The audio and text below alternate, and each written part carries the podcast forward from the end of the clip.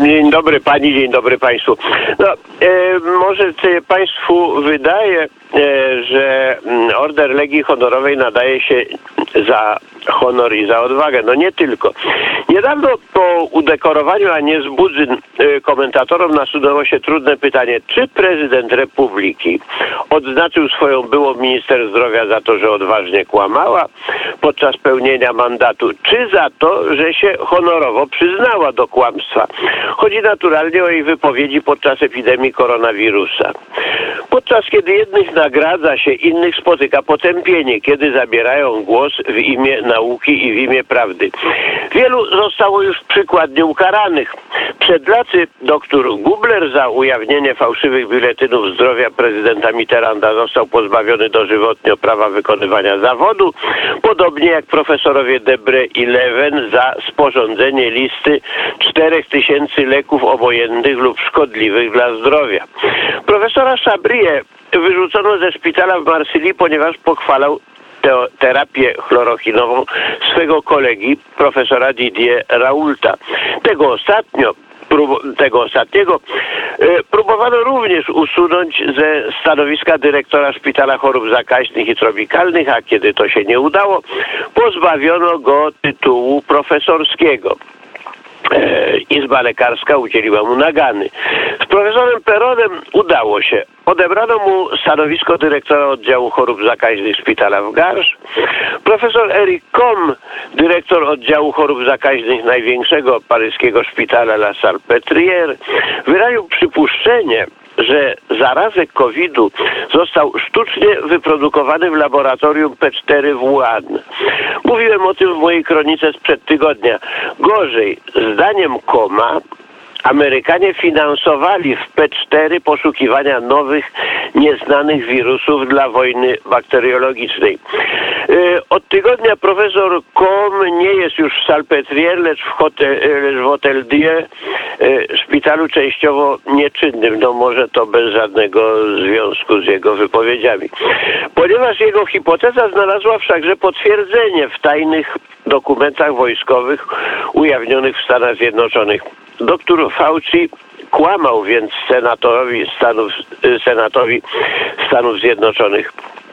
Odpowiedzialny za politykę sanitarną Ameryki, dr Fauci zeznał pod przysięgą, że nie ma związku między doświadczeniami w laboratorium P4 finansowanym przez Amerykanów, a ukazaniem się w Wuhan złowrogiego wirusa COVID-19.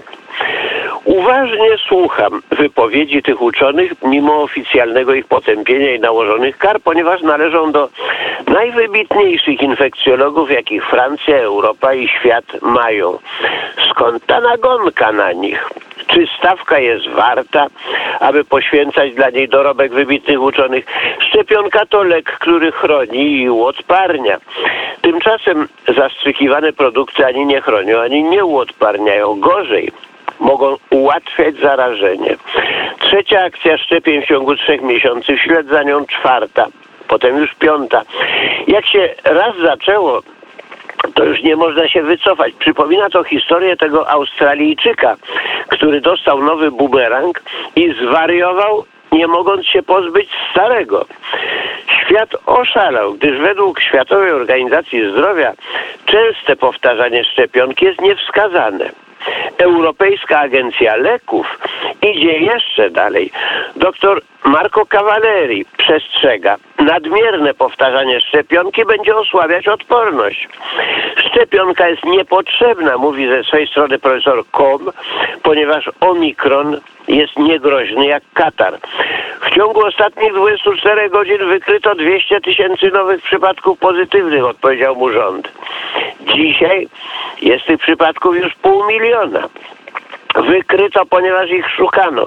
Gdyby testowano katar, inną chorobę wirusową, bo katar jest chorobą wirusową, pozytywnych przypadków były pewnie miliony.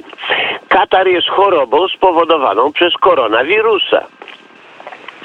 Wariant Omikron jest słabszy od wariantu Delta, który był słabszy od swoich poprzedników. Pandemia przebiega zatem według scenariusza dokładnie opisanego przez profesora Didiera Raulta półtora roku temu. Od tego czasu Raul został wrogiem publicznym numer jeden. Jak bardzo prawda jest niebezpieczna, pokazuje akcja podjęta przeciwko niemu. Oszuści nie wahali się finansować fałszywych statystyk i fałszywych badań. Zapłacili 50 milionów dolarów bandzie hochsztaplerów za sporządzenie i opublikowanie w Lancecie sfałszowanego raportu mającego skompromitować terapię Raulta oraz publikowali całkiem ostatnio fałszywe statystyki zachorowań. Ponieważ Raul miał rację, uwaga opinii publicznej zwróciła się znowu do niego. E, zwłaszcza z pytaniem, czy następne szczepienia do czegoś służą. Z, epidemiolog z epidemiologicznego punktu widzenia odpowiedź jest nie nie służą. Odpowiedział słynny infekcjolog z Marsylii, który wyjaśnił, szczepienia nie opanowują epidemii. Przeciwnie, kraje, które mają najwięcej szczepionych, mają najwięcej przypadków. Istnieje nawet fenomen niedostatecznie zanalizowany, któremu ludzie nie poświęcają uwagi, a który jest bardzo ważny. W dwa, trzy tygodnie po szczepionce ilość zachorowań wzrasta. Wynika to z faktu naukowego, któremu epidemiolodzy nie poświęcili dostatecznie wiele uwagi. W organizmie istnieją antyciała, które go odporniają i chronią przeciwko zarazkom. Ale oprócz nich istnieją także inne antyciała, które przeciwnie ułatwiają zarażenie. Nawiasem mówiąc, to samo stwierdził potępiony dr Velo, zaś profesor Eric Koch potraktował zjawiska antyciał sprzyjających zarażeniu jako oczywiste dla każdego wirusologa. Zamykam nawias. Jeśli przyjrzeć się obciążeniu wirusowemu, tłumaczy dalej profesor Raul, w przypadku wariantu Delta ludzie zaszczepieni mieli obciążenie wirusowe większe od niezaszczepionych. Stwierdziliśmy w naszym szpitalu, mówi profesor, że wśród ludzi, którzy przychodzą jest wielu bezobjawowych wśród zaszczepionych i nie ma bezobjawowych wśród niezaszczepionych. Napisałem w mojej książce o pandemii, co mówi profesor Raul i powtarzam dzisiaj informacje dotyczące, e, przepraszam, to już, to już mówię ja. E, powtarzam dzisiaj, informacje dotyczące COVID-u nie wyrażają moich opinii, nie jestem uczonym.